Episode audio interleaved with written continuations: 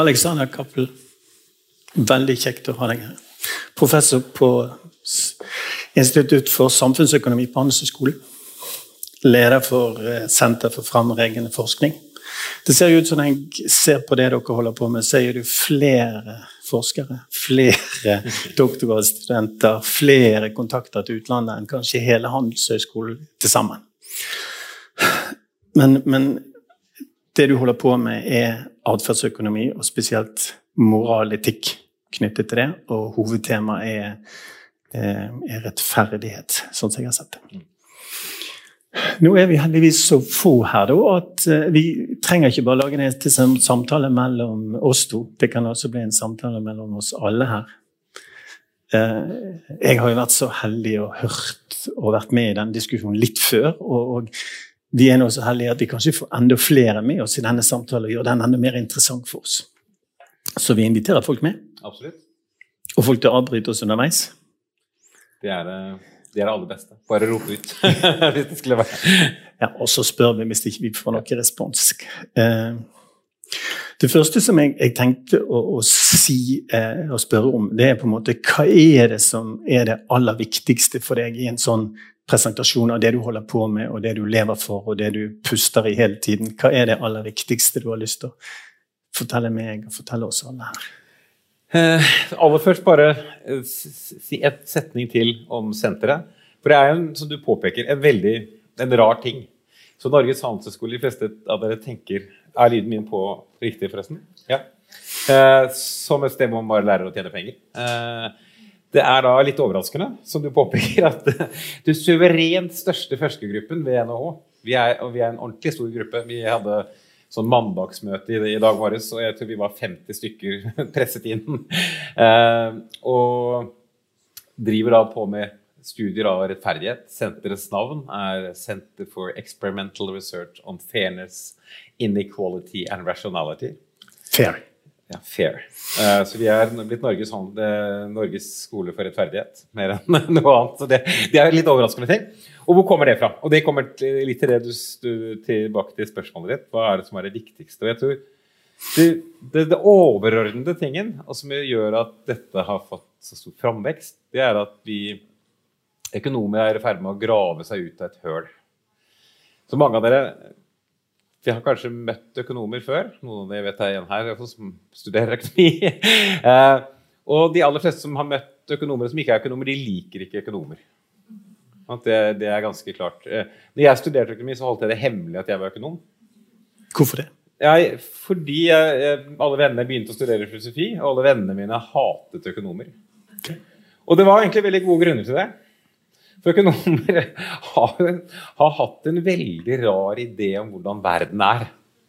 Når du skal prøve å forstå hvordan mennesker er, og hvordan samfunnet er, så økonomer vi har gjort en ting. Og, og må si, Det har jo på en måte vært utrolig vellykket, det vi økonomene gjorde. Fordi vi, når vi skal, Hvis vi skal prøve å forstå samfunnet, la oss lage en modell sånn som fysikerne gjør. på en måte. Men skal du lage modell, så må du jo gjøre noen forenklinger. Og vi forenkla noe vanvittig. Utrolig flinke til å forenkle. Så det vil si, ok, det er to, grunnleggende sett to spørsmål du må svare på hvis du skal lage en Det høres litt teit ut at du skal gjøre det. Men hvis du skal prøve å frem, hvordan, beskrive hvordan mennesker tar valg og Du må si noe om hva som motiverer folk når de tar de valgene. Hva er det som driver deg, hva er det som, hva er det du ønsker å oppnå? Og så må du si noe om hvordan går du fra den motivasjonen til valgritt. Så hvordan tar du beslutninger? Og her kommer det vakre og samtidig ganske ja, tvilsomme vi økonomene gjorde. Vi sa ok, la oss nå ta det vi tror er iallfall i noen situasjoner det aller viktigste. Det er tjene penger, motivasjonen. Fullkomment rasjonelt.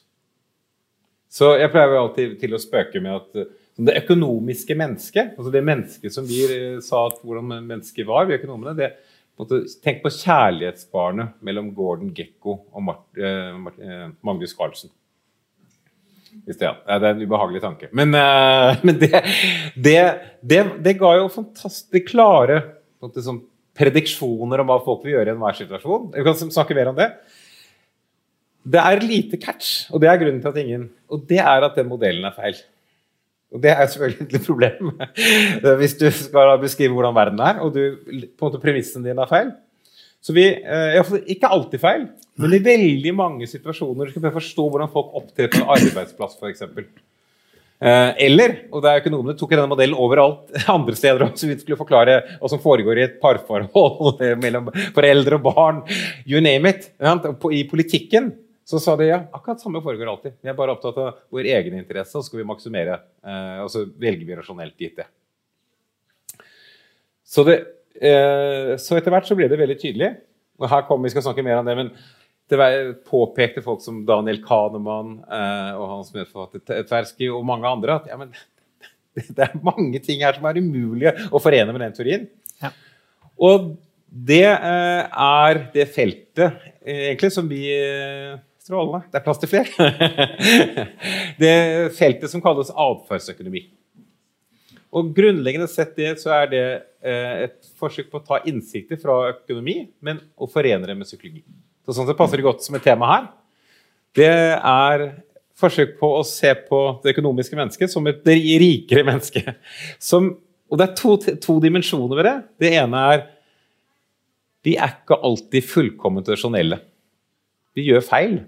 Og vi er ikke bare sånn at vi sånn, ja, Noen ganger så bommer vi litt der og bommer litt der. Vi gjør systematiske feil. Feil som du kan forutse. Jeg kan måtte, gjette hvis du forteller meg hvor mange ganger du har tenkt å trene på helsestudio eh, neste eh, måned.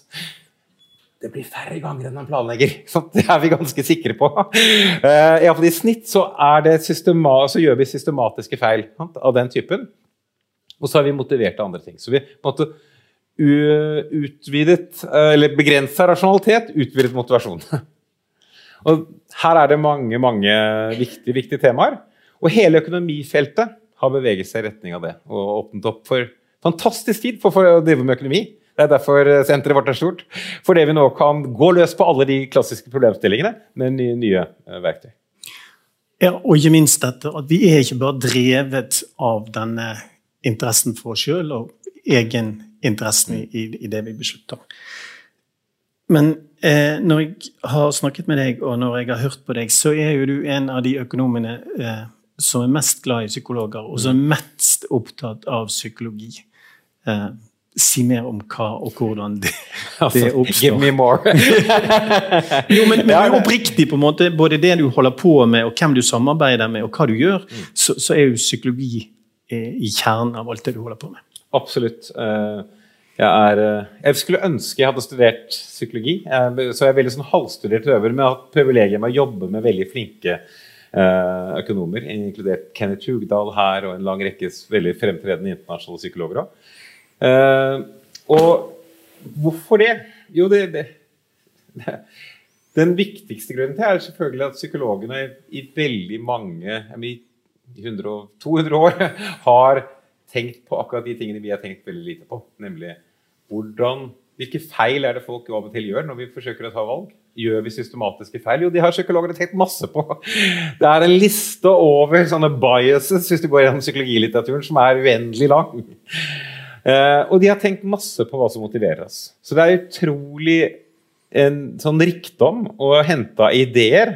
Og det vi typisk gjør, og det mange har beskyldt oss for å egentlig bare plagiere psykologene. Vi finner gode ideer fra psykologi, og så skriver vi om dem i en økonomitidsskrift, og så har vi gjort original forskning. for vi har tatt ideen. Jeg vil si Det er litt mer vi gjør av og til enn det, men grunnleggende sett veldig mye av det vi i fall tidlig i tiden av oppsøksøkonomien, var å ta innsikter fra psykologi om hvordan vi tar valg, hva som motiverer oss, og bruker dem på økonomiske fenomener. For der har vi, hadde vi et lite fortrinn. Hvordan påvirker det de økonomiske valgene vi gjør. Og vi gjør mange viktige økonomiske valg. Fra hvilken utdannelse vi tar, hvor lenge vi jobber, hvor hardt vi jobber, hvor mye vi sparer, om vi kjøper abonnement på treningsstudio eller ikke. Alle de tingene. Og hvilke produkter vi kjøper. Der eh, har vi jo en del kunnskaper som økonomer. Altså det å kombinere det med innsikter fra psykologi, utrolig viktig. Og så er det én ting til som, som er, høres litt kjedelig ut, men som er fantastisk eh, viktig, og som har vært kanskje vel så viktig som bare det å hente den på de ideene, og det er metoden. Så økonomifaget dette, når jeg tok min, Nå føler jeg meg forferdelig gammel når jeg sier det. men jeg til min tid jeg tok doktorgrad. Men, uh, så var økonomifaget et rent teorifag. Og hva mener jeg med det? Jo, det psykologi er også drevet med mye med teori, men det var en spesiell form for teori. Hvor du, du bare startet med 'sånn er mennesker', og gjerne beskrev menneskene med en matematisk funksjon. Og så Hva følger det av det? Du regner, deg fram til hvordan hva som ville skje. Uh, så jeg skrev min doktoravhandling i optimal skatteteori. Og den var, uh, det var mildt sagt løsrevet fra hvordan virkeligheten er. Det var ikke et datapunkt i hele den avhandlingen. Det var en rent teoretisk avhandling. Uh, det har kanskje det som har hatt den største innflytelsen på økonomi. Vi har funnet ut at vi må titte litt på hvordan verden er. I det øyeblikket du skjønner at den ikke er akkurat sånn som vi antok, så må du prøve å se litt på hvordan er den da egentlig. Og da har vi lært veldig mye av psykologene i hvordan vi kan lære om hvordan verden er. Og det er bruk av eksperimentell metode. Så eksperimenter Jeg kan si, gi eksempler på det etter hvert. Men det, at, eh, det, det er gullstandarden i vitenskapen. Og på en måte er det veldig rart at økonomifaget, som har vært det faget som har innbilt seg for at det var det mest vitenskapelige av alle samfunnsfagene, ikke har brukt eksperimenter i det hele tatt. Men psykologene har brukt eksperimenter i, i, evigheter. Så, det å, så, vi har både lært det substansielle, men også metodiske eh, spørsmål for psykologien. Og det, og det er all grunn til å være veldig takknemlig. Ja, Det er jo en veldig flott historie eh, som psykolog på en måte å, å, å se. Men, men, når du snakker om atferdspsykologien, hva er det eh, Eller atferdsøkonomi istedenfor atferdsøkonomi. Hva er det eh, tankefeil er det du blir opptatt eller dere som økonomer blir opptatt av, og som dere har vært mest opptatt av der ute? Så det så det, to, det, som har vært den, hatt den største innflytelsen Noen av dere kjenner sikkert til Daniel Kahneman. og jeg tror du fortalte meg i en samtale vi hadde tidligere at sånn du anbefaler boken 'Thinking Fast and Slow' minst en gang i uka til folk. Og de, de av dere som ikke har lest den Nå er det kanskje ingen som har lest den helt ferdig, stort sett, men, men det, er, det, er, en tykk bok. Men det er uh, oppsummeringen av eh, livsverket til eh, definitivt en av vår forrige århundres største tenkere. Fantastisk bok. Det er mange mange viktige innsikter i den boken knyttet til det jeg sa med begrenset rasjonalitet, måten vi er veldig redde for tap, f.eks. Tapsabersjonsideen. Eh, måten vi behandler sannsynligheter på. Mange viktige skjeve feil, tankefeil vi gjør. Det som vi har vært mest opptatt av hos oss, det er egentlig ikke så mye de, den typen tankefeil, men den tankefeilen økonomene har gjort at vi har trodd vi bare er opptatt av penger. Så vårt utgangspunkt har vært en interesse for rettferdighetsspørsmål. Og det faktum at økonomer snakket om omfordeling Jeg, når jeg skrev min egen avhandling om, om da, optimal skattepolitikk, eh, så regnet jeg med at alle mennesker bare var opptatt av å tjene mest mulig penger selv. Men samfunnsplanleggeren kunne være opptatt av rettferdighet, men folk var det på en måte ikke. Det påvirket ikke valgene til folk. Men klart, de gjør det.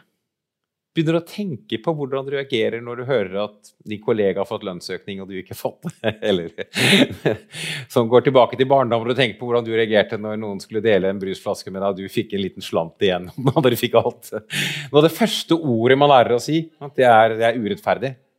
Gjerne litt sånn high-pitched voice. Det motivet, eh, det ønsket altså bare, tenk, Dette dukker opp i veldig mange typer atferd. Altså, tenk om vi stemmer vi hadde, hadde, hadde et valg.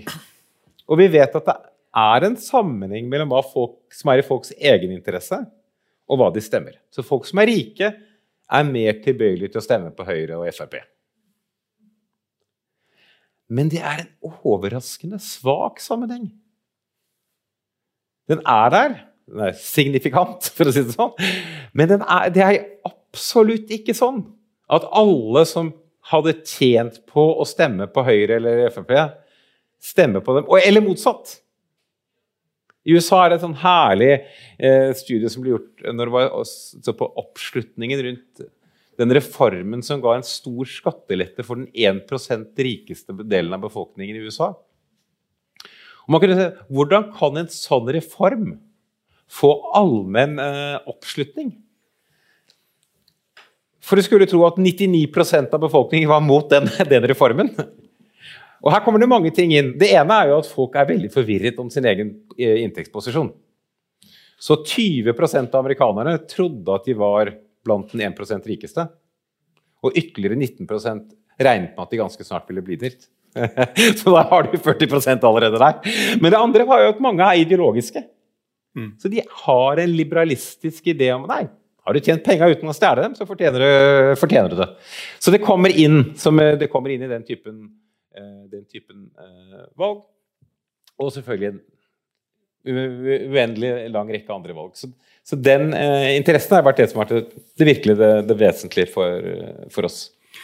Men, men, når jeg hører på disse eksemplene, så er jo de ekstremt gode og illustrerende for hva og hvordan vi tar beslutninger på mange områder. Men, men, men disse eksperimentene som dere holder på med på Choice Lab, eh, som dere først i historien av, av dette instituttet eh, presenterte, som sa noe om hvordan økonomistudenter, fengselsinnsatte og hvordan andre tok beslutninger i forhold til hva som oppleves rettferdig eller mm. riktig. Så Kanskje det viktigste ok, bare når vi snakket om eksperimenter og hvordan de kan være viktige for utviklingen av et fag. Og, bare, og starte med en sånn liten unnskyldning for økonomer. For det høres bare helt crazy ut å si Eller for alle som ikke er økonomer, høres det crazy ut å si at folk bare bryr seg om penger til seg selv. Ja, det, det, rimer ikke.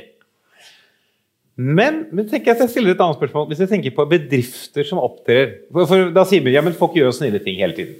Folk gir bort penger til folk. Hvis vi går over Torgallmenningen, så vil du se at eh, folk velger å gi penger til tiggere. Og folk gjør mye, mye rart som tilsynelatende er veldig snilt.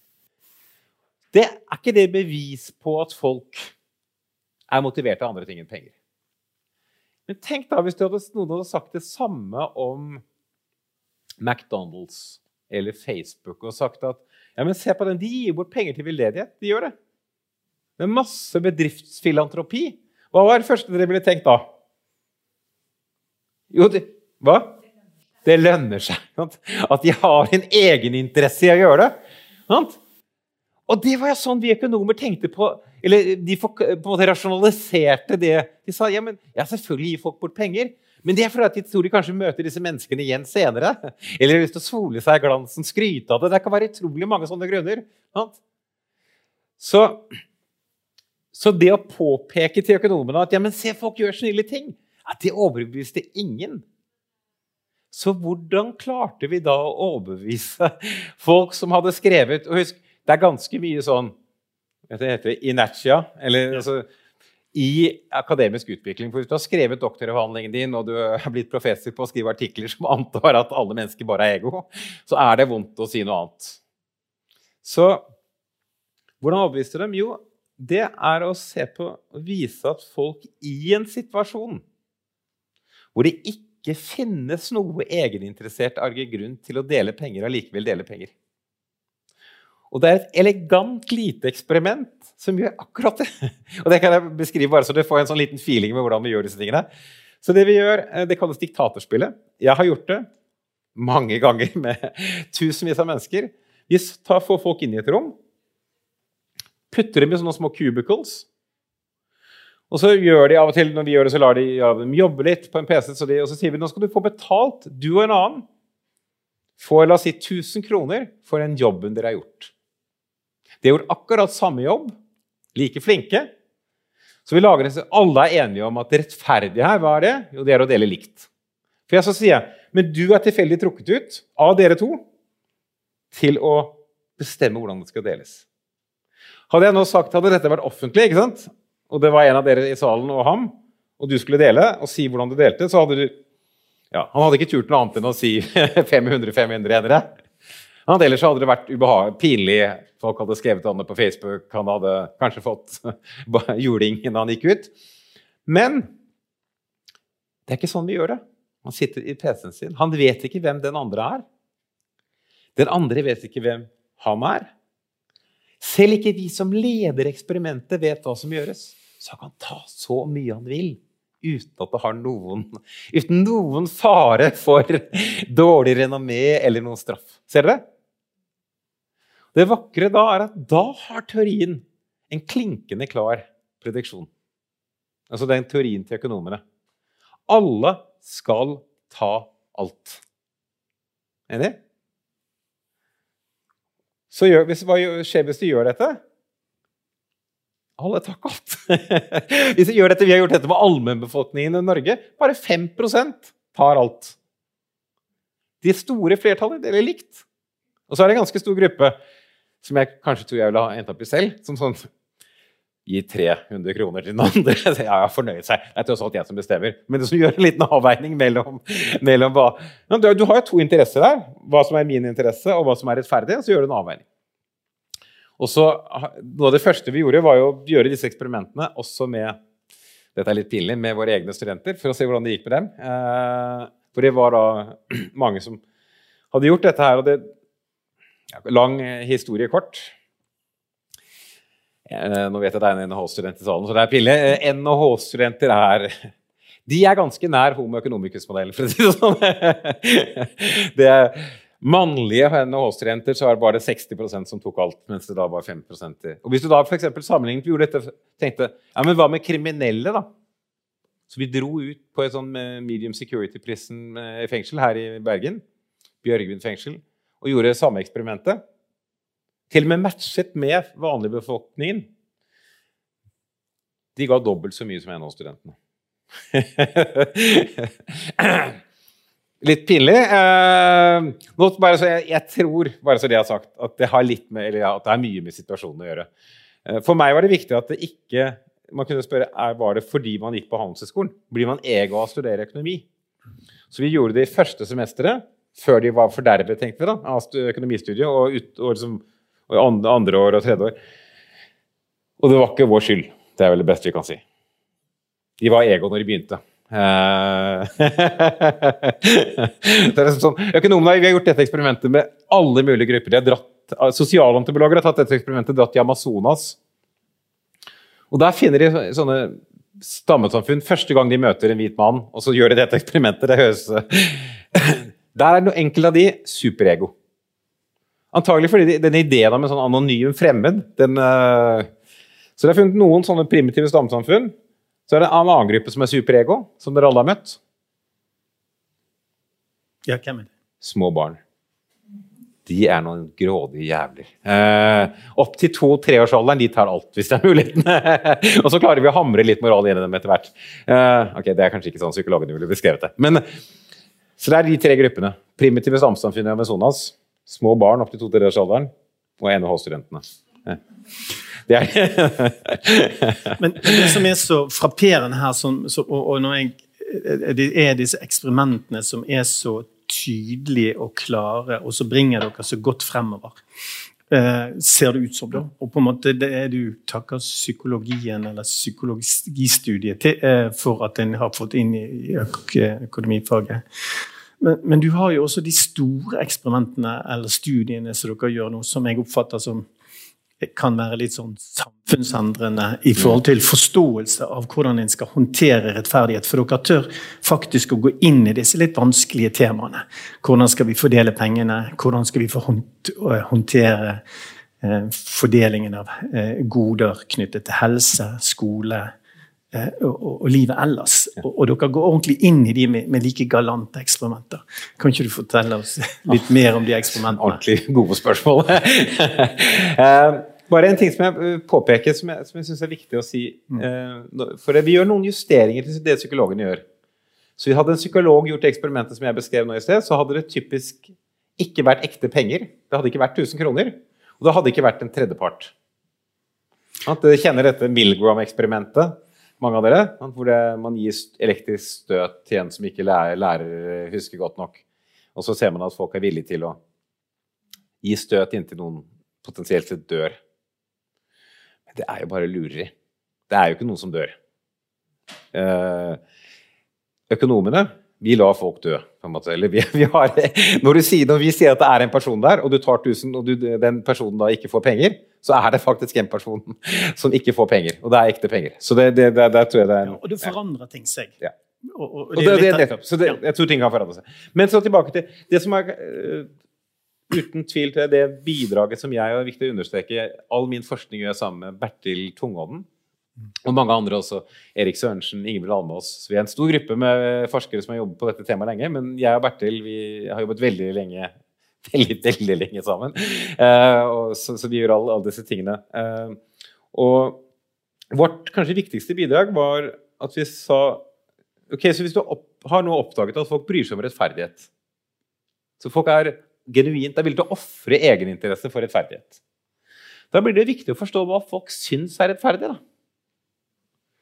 Og der, selv når liksom økonomene innså at man brydde seg om rettferdighet, så, de, så satte de bare likhetstegn mellom rettferdighet og likhet. Altså likhet i at alle fikk det samme. Og Mac, det er noe man veldig ofte gjør fremdeles i dag. Mange, I mange politiske debatter så snakker man om ulikhet og urettferdighet om hverandre. Så vi tenkte ja, men er det en riktig? Og her kom en bakgrunn. Både jeg og Bertil har jobbet, lest mye filosofi og hatt, studert mye filosofi en, og var veldig opptatt av rettferdighetsteori. Og det er jo nesten ingen rettferdighetsteori som sier at det rettferdige er å dele likt uansett.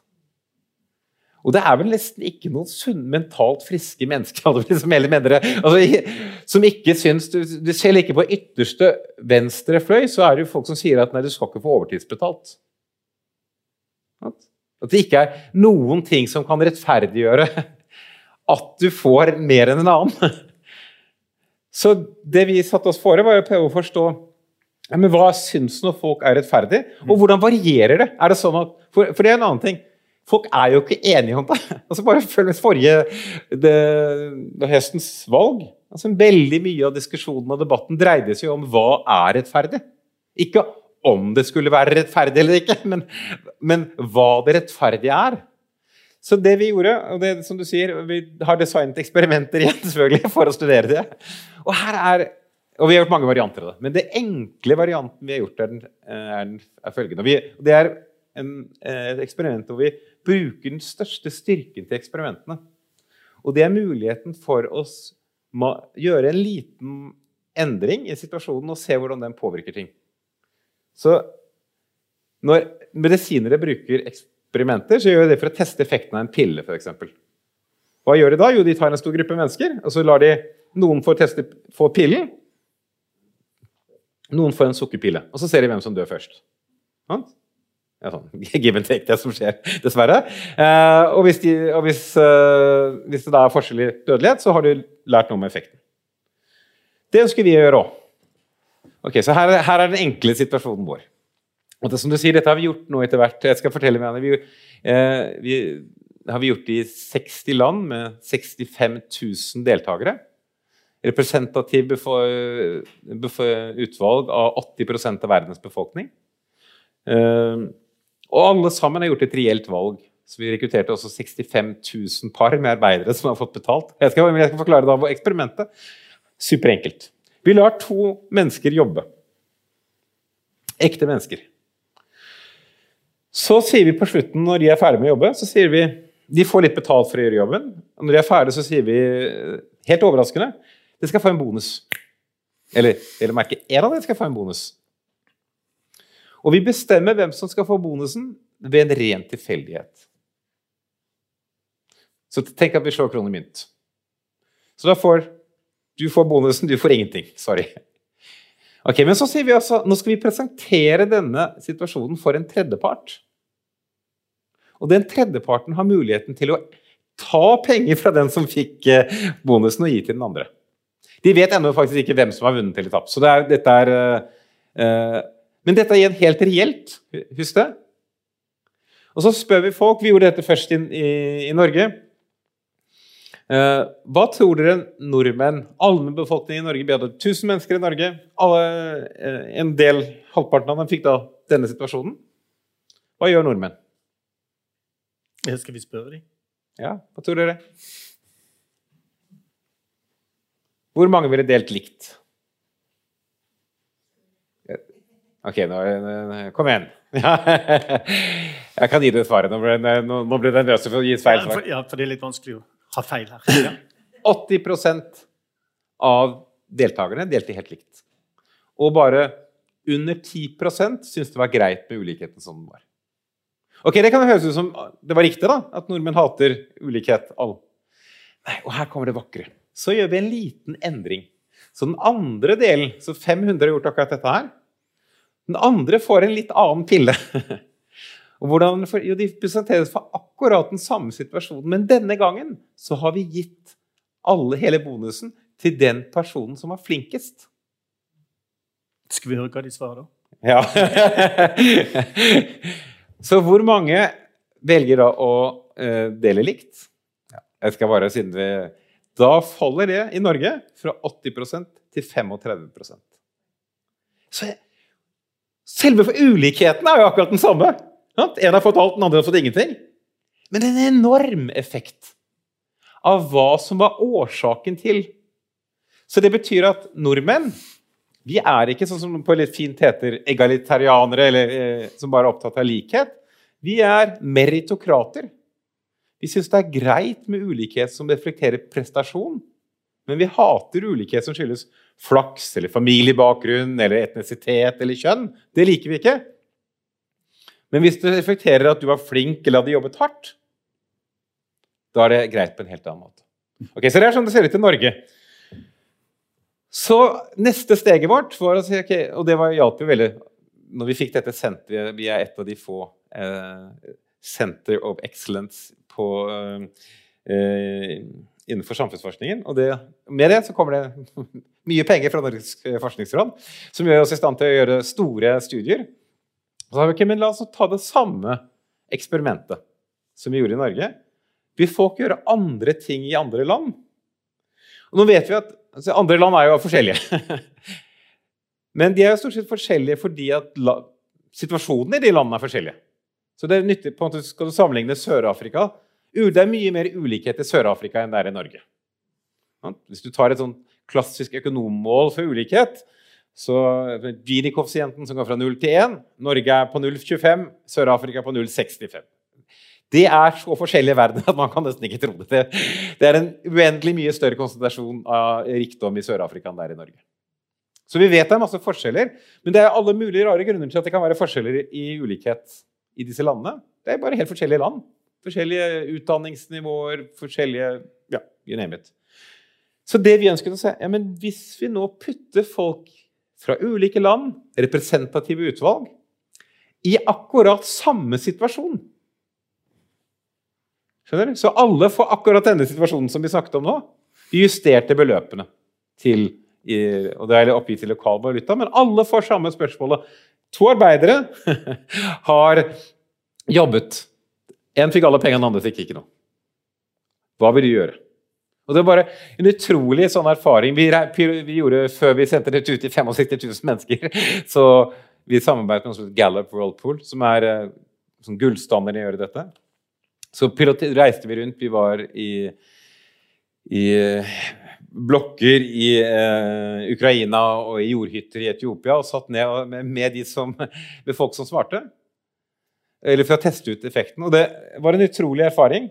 Fordi folk som blir stilt det spørsmålet og skjønner at det er ekte, de skal ta et ekte valg for to andre mennesker. De tar det veldig på alvor. Eh, så vi alle gjorde det, samme. Og i alle land så hadde vi det sånn at noen fikk det ene spørsmålet, og noen fikk det andre. Så hva finner vi? Vi kunne trodd, bare for å kalibrere I Norge så er det 85% av de som stemmer på SV Høyre, de velger å dele helt likt. 75% av de som stemmer på, på Frp og Høyre nå, eller vant jeg sammen? Ja, ja. De, eh, de, deler helt likt. Så det er en forskjell mellom politiske partiene signifikant, som vi sier, eh, men beskjeden. Eller du kan kalle den stor eller liten. Hvordan er forskjellen Så det er forskjellen innad i et land. Hvordan er forskjellen mellom land? Mm. Du kunne tenke deg at det skulle ikke være noen forskjell, for de er jo i samme situasjon. I snitt er noen på høyre siden og noen på venstre siden i alle land. Hvis du går til USA, så faller andelen som deler likt, fra 80 til 50 Går du videre til Kina og India, så faller den til ca. Eh, 10% Så en enorm forskjell i hva man, eh, i hva man gjør, og hvordan man håndterer ulikhet. Og kanskje det aller mest eh, slående er effekten av denne kilden. Så i noen land, sånn som Norge, altså i mange av de vestlige landene, så bryr vi oss veldig mye om kilden til ulikhet. Det første folk spør seg på en måte når de skal vurdere om de skal dele eller ikke, er sånn Ja, men hvordan oppsto den ulikheten? Hva var kilden? Men i, eh, men i mange andre land spiller ingen rolle. Hva kilden er, betyr ikke noe. Og tenk hvor forskjellige land er. I et land hvor de sier at hardt arbeid og flaks er det samme. Et land hvor de sier at det er veldig forskjellige ting. Eh, og vi ser også at dette rike land typisk er mer meritokratiske, som vi sier. altså De skiller mer. Og det er noe fantastisk vakkert selvfølgelig med et land som belønner prestasjoner, men utjevner for flaks. Du kan se at det kan være noe bra med det. Eh, men det er jo litt spekulasjoner. Okay, så I tillegg til dette så samler vi inn masse andre spennende data. Vi spør dem ikke bare, da, Dette gjør oss i stand til å da se på hva de syns er rettferdig, men i tillegg kan vi spørre dem hva de tror er den faktiske kilden til ulikhet i sine land. Og holdninger til omfordeling. Så kan vi se på sammenhenger mellom disse tingene. Så det er, eh, det er mye, mye, morsomt i de settene. og jeg opplever det som, som vak vakre ting både å høre på og se på, for det er jo som å reise i verden på en måte, og, og, og, og ha muligheten til å forstå verden også på en, en, veldig flott og ny måte. Så, så, denne måten som dere driver forskning på, og måten en får frem disse data, er veldig veldig fascinerende. Um, det neste spørsmålet eh, knyttet til dette her er jo hva og hvordan kan en bruke denne kunnskapen her? sant? Eh, og spesielt, og jeg vet jo dere er opptatt av barn. Hvordan barn utvikler forståelse for fordeling og forståelse for Og dere er opptatt av hvordan en skal håndtere utviklingsprogram i tredje verden. Og jeg vet eh, dere er opptatt av hvordan lederlønner skal være. Mhm. Du legger jo deg på tvers på Handelshøyskolen rett som det er, i forhold til at lønn ikke betyr noe. Så, så kunne du sagt noe om, om, disse områdene, for da sier du litt om den forskningen dere har rundt rettferdighet, hvordan dere appliserer det. Altså Det mest umiddelbare er å tenke på utforming av lønnssystemer, som du sier. Uh, og igjen og nå skal jeg ikke snakke for mye stygt om Handelshøyskolen, for at, tross alt, de har da faktisk bygget ut en, De har det største senteret for rettferdighet eh, omtrent i, i, verden. Men den tradisjonelle tanken hos mange uh, handelshøyskoleøkonomer og økonomer generelt har vært at når du skal lage belønningssystemer, eller skal lage lønnssystemer, så må du belønne prestasjon. Enkelt og greit. Og prestasjon typisk målt med hvor mye du tjener. Altså for virksomheten. Og det er en del uh, argumenter for det, så jeg skal ikke gå inn på det. det. Hva er det som mangler der? Så hvor kommer vår innsikt inn? Og det er at folk bryr seg om rettferdighet. Så hvis de opplever at den bonusen de får, eller den lønnen de får, er urettferdig i forhold til hva andre får, så tenk en, situasjon hvor, du, hvor din prestasjon skyldes det flaks som du ikke har noen kontroll på. og det Alle skjønner det hvis du er megler, f.eks. Så kan det hende du bare har uflaks med de eh, boligene du Eller Eh, ting skjer som du ikke har noe kontroll over, som påvirker hvordan det går med deg. Det, det gjelder alle yrker. Og så kan noe skyldes på hardt du arbeider. Men hvis du ser at folk som har kanskje gjort mindre enn deg, vært mindre flinke allikevel for høyere lønn fordi de har hatt flaks, da blir du forbanna. Og det å være forbanna, da blir du demotivert. Og, var, og det, jeg pleier alltid å vise når jeg, når jeg gir sånne for, for introforelesninger, en helt fantastisk video eh, av uh, som du må sjekke på nettet, av Kapachin monkeys som opplever urettferdighet. Så Kapachin monkeys er apekatter som er veldig smarte. De bor sammen i grupper. og Frans de Waal er den fremste forskeren på rettferdighetsoppfatninger hos dyr. Det ville jeg kanskje ikke tenkt deg, men, men, det er, men til og med, så det, er, det viser jo hvor, hvor, grunnleggende rettferdighetssans er. Uh, det er noe vi, uh, vi har testet det samme med Kenneth Hugdal, så har vi sett at er, vi er hardwired i hjernen til å være opptatt av rettferdighet. så i striatum så har du aktivering på samme måte som du har når du spiser iskrem eller mottar, opplever noe veldig positivt, når du opplever rettferdighet. I hvert fall dyr og er opptatt av rettferdighet. Aper er jo veldig like som oss. De er det. Så ok, her er storyen. De har to aper eh, som jobber. De, får en liten agurkbit hver gang de gir en stein til deg. Så de gir dem en stein, så skal de gi steinen tilbake, så blir det betalt. Dette Flott jobb, godt betalt jobb, syns de. De er villige til å fortsette å gjøre den jobben gang på gang på gang. Eh, ikke noe sutring og klaging i det hele tatt. Inntil en sånn år, ja. Riktig. Inntil en da plutselig får en lønnsøkning, for han får en drue. Og så ser du den andre apekatten ser dette her. Blir veldig opphissa. Ja, eh, nå skal jeg kanskje jeg også få lønnsøkning. Så får han bare en agurkbit. Og den reaksjonen der det er bare umulig ikke både le og gråte. for det. Så den kaster agurkbiten tilbake, rister i buret! og, okay, Se hvor jeg vil hen. Det er ikke sånn du ønsker at dine ansatte skal oppleve det. Og det, det, er en veldig Ok, Så her kommer grunnideen. Skal du lage et belønningssystem, så må du forstå hva folk opplever som rettferdig, og ta hensyn til det. Det betyr ikke at du bare skal gjøre det. Det er, det er andre hensyn òg. Og det kan variere fra gruppe til gruppe. Skal du motivere handelshøyskolesenteret eller motivere unge mannlige meglere De kan ha jo andre oppfatninger av hva som er rettferdig, enn voksne kvinnelige lærere. Og da må du tilpasse. Og det samme gjelder altså, på samfunnsnivå. Hva slags type velferdssystemer som vil være bærekraftige og, og eh, bli avhengig av hva som oppleves som rettferdig i befolkningen. Og da må man ha en idé om hva det er. Eh, så dette har jeg applikasjoner både på Og selvfølgelig på individnivå også, når du interagerer med andre mennesker. Og i familien. Så i, i alle settinger så er det jo fordeling.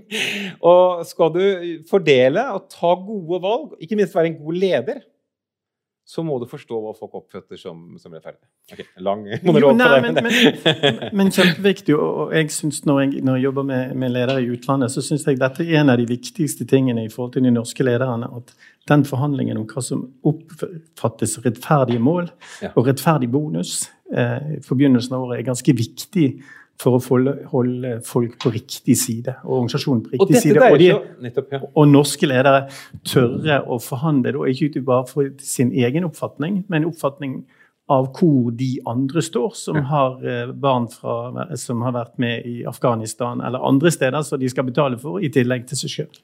Og det dreier seg også en, en, ting som jeg ikke sa, men En ting er jo å ta hensyn til det, men det andre er å kommunisere det. Mm. Så hvis du ønsker å ha lønnsulikhet, eller kanskje ikke ha lønnsulikhet, uh, i en virksomhet, så må du gi de grunnene du har. For, for, ikke, for, ellers er det veldig vanskelig å forstå. Hvis du ikke forstår det, så oppleves det som urettferdig. Hvis du sier nei, dette er et ansvarstillegg, eller dette er noe som kompensasjon for at man har hatt en høyere utdanning, eller dette er Vise hvordan, de, hvordan det rettferdiggjøres. Hva er det som er legitimer, legitimerer den ulikheten. Så kan man være uenig eller enig, men det er iallfall mye bedre å, å, få det opp og være eksplisitt på det. Uh, og det tror jeg mange ledere er litt redde for. Okay, jeg vil ikke gå inn i den samtalen, men den, den, den tror jeg man må ha. Ja, men, men, så var det det andre. Utviklingsprogrammene som er rundt i verden. Hvordan er da dette rettferdighetsbegrepet så viktig i, i det arbeidet? Så det Veldig mye av det som skjer Og igjen, dette tror jeg igjen ikke uh, når vi skaper verdier, så er jo et Skape verdier har to, har to sider. Eller mm. verdiskapning. Det ene er hvordan får du kaken stor? Det andre er hvordan deler du kaken? Og utvikling i samfunn dreier seg om begge deler. Du skal både bidra til å skape mer verdier, men også finne gode måter å dele det på. Mm. Og så er det jo mange som har tenkt at nei, nå skal vi først bare gi, bry oss ikke om fordeling i det hele tatt. Vi skal bare lage en størst mulig kake. Litt sånn som Kina har eh, tenkt. Dette er en store kan dere fulgt med på det, men uh, uh, uh, Jinping har akkurat nå sagt at nå må de ta, ta, et grep. For det er jo, Kina har utviklet seg fra å være et veldig egalitært til et ekstremt inegalitært samfunn. Basert på en sånn idé om at vi trenger ikke å tenke på det. Det er en livsfarlig strategi. Mm. Fordi folk For det skaper en veldig ustabil situasjon akkurat de grunnene jeg sa. Så skal du Et godt utviklingsprogram kan ikke bare fokusere på å skape mest mulig verdier. vi må også tenke på hva er det som er en stabil måte å fordele de verdiene på. Ja. Uh, for, for, vi ville jo reagert hvis du skulle uh, i ditt arbeid eller i mitt arbeid, hvis vi skulle ha samme lønn alle som var i helsevesenet, eller alle som var, så ville vi reagert på det. Så det er ikke bare kaken, men det er også hvordan vi fordeler kaken, ja. som vi må ha en forståelse av. Og en innsikt, ok, så Det er en annen ting som jeg pusher veldig hardt som resultat ved vår forskning. som jeg ikke har sagt så mye om ennå, men vi ser på også uh, Jeg skal ikke gå i detaljer på det, for det tar litt tid. men det er mange andre viktige avveininger vi gjør vi, mellom, så rettferdighet er jo ett mål vi har. De aller fleste, vi kan ha ulike ideer om rettferdighet. Men så kan vi være enige om hvordan, hvor, hvor, viktig er nå rettferdighet da, i forhold til f.eks. For effektiv, eller kakestørrelse. Og igjen er jo noe som folk kan være uenige i. da. Og, og folk er uenige.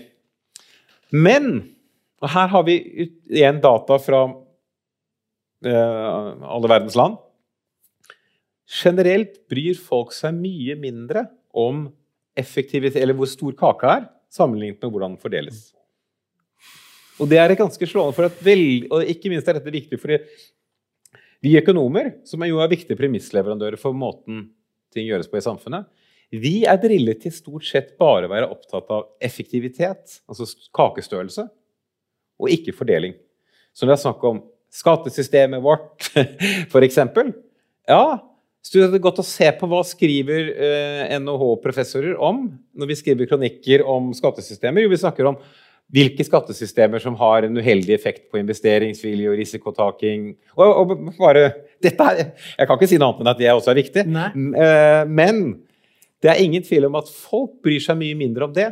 Folk syns det er viktigere at ting fordeles rettferdig enn at kaka blir stor. Og det, og det kan vi gode data på, for vi setter folk i en situasjon hvor de kan velge mellom hvor det koster masse penger å omfordele. Så for hver krone du tar fra en rik og gir til en fattig, så forsvinner en ekstra krone. Folk bryr seg nesten ikke om det. De deler likt allikevel, selv om masse av kaka forsvinner. Eh, og jeg tror den ideen der eh, Jeg har hatt mange spennende samtaler for med Skatteetaten, som vi har jobbet mye med i Norge. Mm. De lager kontrollsystemer for å identifisere hvem som snyter algoritmer som regner ut hvordan, hvem er det du skal etterforske, kontrollere. Og hva er det som er prinsippet som ligger til grunn da? Det er å få mest mulig gevinst i form av at du oppdager eh, flest mulig skattesnytere per kontrollkrone. Dette, og dette, den logikken går igjen veldig mange steder. Det er veldig naturlig å tenke sånn. Selvfølgelig er det sånn man skal tenke. Problemet med det er at det blir en veldig urettferdig fordeling. For det er noen grupper. Det er veldig få, antar jeg, eh, universitetsprofessorer som snyter veldig mye. Så denne algoritmen vil helt sikkert si 'ikke sjekk Cappelen'. Håper jeg. Eh, men, se, men, så vil den identifisere da noen, kanskje en grønnsakshandler på Grünerløkka, som en som har høy sannsynlighet for å, for å ha snytt. Rent statistisk sett. Ja? Uh, og bruke ressursene der. Så dette er en form for statistisk diskriminering som er effektiv. Resultatet er jo, er jo da kanskje nettopp at jeg, hvis jeg snyter, så slipper jeg unna, og den andre belastes med kontrollene. Det, jo, det er jo opplagt på en måte urettferdig. Så igjen et eksempel på urettferdighetshensyn kommer viktig, viktig fram, og hvor det lett glemmes. Og man fokuserer ensidig på, på måte, effektivitet, få mest mulig ut av penga. Det er denne moralfilosofien som du legger til grunn for alt du gjør, og samtidig den ordentligheten i eksperimentene og på en måte den tydelige forståelsen av også hva som er økonomisk nyttig, som er så fascinerende. Men hvis vi nå tar, før vi lander og på en måte ser om vi kan få folk til å stille et spørsmål Så dette eksperimentet som dere gjorde med barnehager i Boston, hvis jeg husker rett? Ja, I Chicago. I Chicago, ok. Uh, fortell oss om det. For det forteller oss mye også om hvordan en kan bygge samfunn og utvikle mm. samfunn, mm. som er på en måte premisset for mye av det du gjør. sånn sett. Fantastisk. Eh, takk for at du minnet meg på det. Så vi vi, vi start, okay, her føler jeg virkelig at vi fusker inn på psykologenes enemerker. Hvis det er noen som er sånn psykologenes det er sånn moralsk utvikling hos barn. Gå tilbake til Piaget og Kolberg og hele, hele, alle klassikerne. Men vi har egentlig lagt oss opp i den tradisjonen. Vi hadde tidlig noe, Det første vi gjorde, var vi har en paper i, i Science hvor vi ser på hvordan barns rettferdighetsoppfatning, målt på den måten jeg sa akkurat nå, så barn tjener penger og deler penger, hvordan den endrer seg over år. Men det sier jo bare litt. Eh, så det vi ikke har sett, Men hvordan, hvordan påvirker institusjonene erfaringen du har i barndommen? På, for er, Vi har sett nå at det er enorme forskjeller mellom hva du syns er rettferdig hvis du bor i Kina og hvis du bor i Norge. Det er, opp, det er helt sikkert ikke noe genetisk i det. Så det må ha noe med det vi har opplevd og erfart gjennom eh, våre formative år. Kan vi få et inntak til det? Og I samarbeid med en gruppe i Chicago, ledet av John List, eh, så var vi med på et, et, helt sykt eksperiment som noen av dere ville vært provosert over. Okay, jeg, det, jeg, kan teste det ut om det blir provosert. Dere, de, dere, eh, dere var primært opptatt av det studiet, finansiert av Kenneth Griffin til en av de rikeste menneskene i verden. Det var å se på effekten av å gå i barnehage. Og da, Hvordan skal du teste ut det hvis du skal bruke eksperimentell metode? Jo, hvis du har nok penger, så bygger du to barnehager. Eh, inviterer folk eh, som har, ikke har barnehageplass. I USA så er det forferdelig dyrt å ha barnehageplass. Inviterer dem til eh, Har du lyst til å ha gratis barnehage, være med i et lotteri som gir deg gratis barnehageplass. Så her blir da pillen og sukkerpillen er barnehageplass, eh, ikke barnehageplass. Det, det ikke, de fikk litt, de andre også, bare så det er sagt. Så det ikke, men, men, det er grunnleggende ideen. Og, så, og det man da primært var opptatt av, å se hvordan det påvirket kognitive og ikke-kognitive evner og utvikling. Så i seg selv kjempespennende. Det vi var opptatt av, var å si ok, men disse barna har da hatt helt ulike opplevelser i tidlige barneår, tre-fireårsalderen. Har det formet hva de syns er rettferdig? Du kan tenke deg at det å gå i barnehage, Jeg, min idé, Jeg hadde barn i barnehage selv på den tiden, og vi gjorde dette, så jeg hadde en veldig klar idé om at det var en sånn likhetsfabrikk. sånn, nei, nå har du hatt uh, lekene fem minutter, Per. Nå skal Lisa ha de fem minutter. Og, uh, det, det, er noe med store gruppe barn. Det er veldig vanskelig å gjøre noe annet enn å dele likt. Det er min erfaring. Uh, så, så, så, vår tanke ok, la oss nå få alle disse barna inn. Og fordi man øh, Som en del av det studiet så måtte de nærmest skrive fra seg ja, de, Alle var med etterpå også. Mm. Så alle barna som hadde vært med på studiet, kom inn og gjorde disse eksperimentene våre igjen. Da var de, og det var fire år, så da var de barna øh, sånn seks-syv år gamle. Og vi kunne da og det vi finner på arteversjonen, fram til, det er at det, forskjellen i erfaring hadde stor effekt på hva de oppfattet som rettferdighet. Så barn som hadde gått i barnehage, var mer likhetsorientert enn barn som ikke hadde gjort det. Uh, vi finner masse annet men det er på en måte det, main. Sånt. Og det er jo ett eksempel. Vi, vi, har andre studier vi har gjort i Kina og Norge hvor vi ser på hvordan voksne deler mellom barn. Og igjen enorme forskjeller kinesiske voksne som deler mellom to femåringer, kinesiske femåringer, aksepterer en enormt med ulikhet. Så to barn, to små femåringer har gjort en liten jobb, og den ene har fått alle penga. I Norge så deler alle likt. I Kina så aksepterer nesten alle. Ja, sånn er det. Klart det former deg. Så jeg tror det generelt, og det her bare her viser at vi økonomer har lang vei å gå. For en ting er jo her begynner det også å spinne opp mot sosiologien i mye større grad. Og det er jo en sånn ting som jeg tror er utrolig viktig. Disse skillelinjene vi har mellom sosiologi og psykologi og økonomi, er jo egentlig helt latterlige. Vi er opptatt av de samme tingene. Vi er opptatt av å forstå mennesker, hvordan vi tar beslutninger, hvordan samfunnet vårt virker. Og de ulike fagene har ulike innsikter i det, men grunnleggende sett så er vi opptatt av, det, av de samme spørsmålene. Og det det dere har jobbet så flott med på alle sett og vis. Når dere har hørt på dette nå, hva er det som slår dere? Hva er det dere tenker? Hva er det dere får lyst til å si, eller Ja. ja vær så god. Ja? Jeg tenker på denne opplevelsen av rettferdighet i Mm. Så gjør dere jo sånn som det fremstår for meg, øyeblikksbilder. Dette er to mennesker, og så er det en pott, og så eh, kan man akseptere å dele likt eller ulikt. Men om man hadde gjort dette mange ganger på rad, sånn at du får en skjevhet som utvikler seg over tid. Mm. Har man ikke sett noe i den retningen, altså vil det, vil, vil det endre seg? Gjør det noe med vår opplevelse av hva som er erfaring? Det er et veldig godt uh, spørsmål. Uh, det er gjort noen studier på det. Vi har ikke gjort det selv, men hvor du tenker at du arver først noe, og så bruker du de altså, så går det videre i flere perioder egentlig før du kommer inn. Folk har en tendens til å tenke at det tilhører deg mer hvis det har gått mange, mange perioder. Så jeg tror det gjør noe med det. Uh, det er bare som sagt, Vi har også studert dette i ute i den virkelige verden litt mer. Så Vi har studier bl.a. gjort med skatteetaten i Norge, hvor vi har sett på effekten av å appellere til folks rettferdighetssans før de skal fylle ut selvangivelsen sin. Så det vi gjorde da, vi sendte brev til 20 000, nei, 16 000 skattytere som vi visste hadde hatt inntekt i utlandet, og, og antagelig ikke rapporterte som de skulle. Og Da får noen bare et lite informasjonsbrev. Andre får et, uh, akkurat samme informasjonsbrev, men vi legger inn én setning. Hvor vi minner dem på at det er jo bare rettferdig at man betaler skatt på samme måte som folk gjør, det store flertallet gjør i Norge. Og det har en enorm effekt.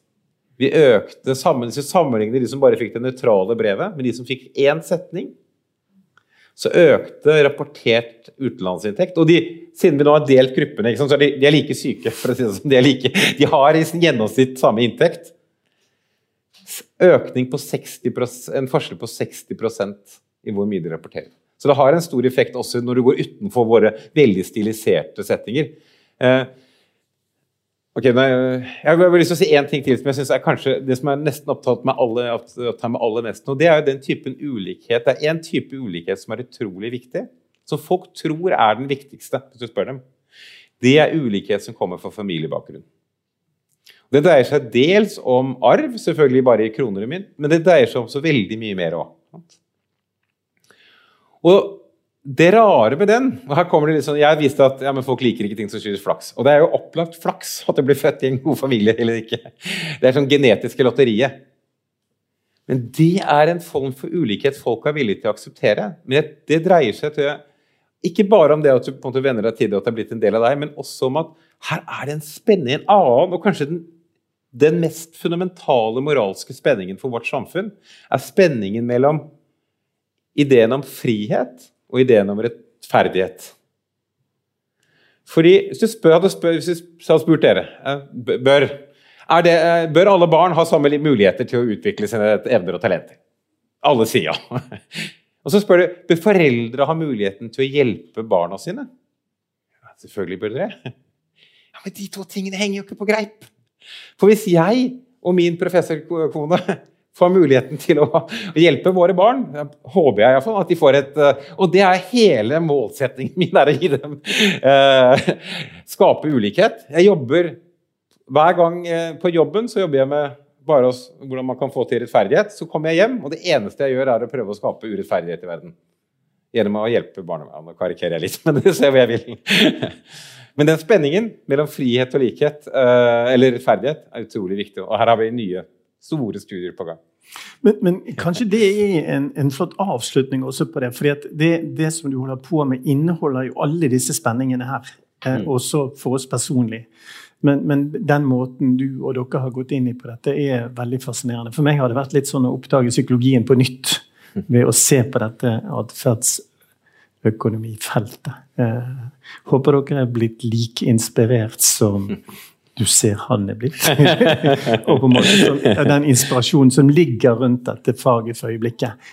Eh, både i, i tema, men også metodearbeidet som, som her. Jeg vil si veldig tusen takk til deg som tar deg tid til å dele dette, og dele det med denne iveren. Eh, og eh, dere, han er veldig lett å finne, og, og, et senter er også veldig lett å finne. Disse forelesningene, disse tingene de kommer med, er noe som dere også er veldig flinke til å legge ut, som gjør at eh, dette er en, en, kunnskap som vi kan dele på lik med, i linje med andre ting. Du sier jo at eh, økonomer bør gå på ha en oppdatering sånn som vi gjør på en PC eller mobiltelefon i forhold til denne kunnskapen. Men vi som psykologer bør kanskje også oppdateres i forhold til vår forståelse av mange sentrale temaer.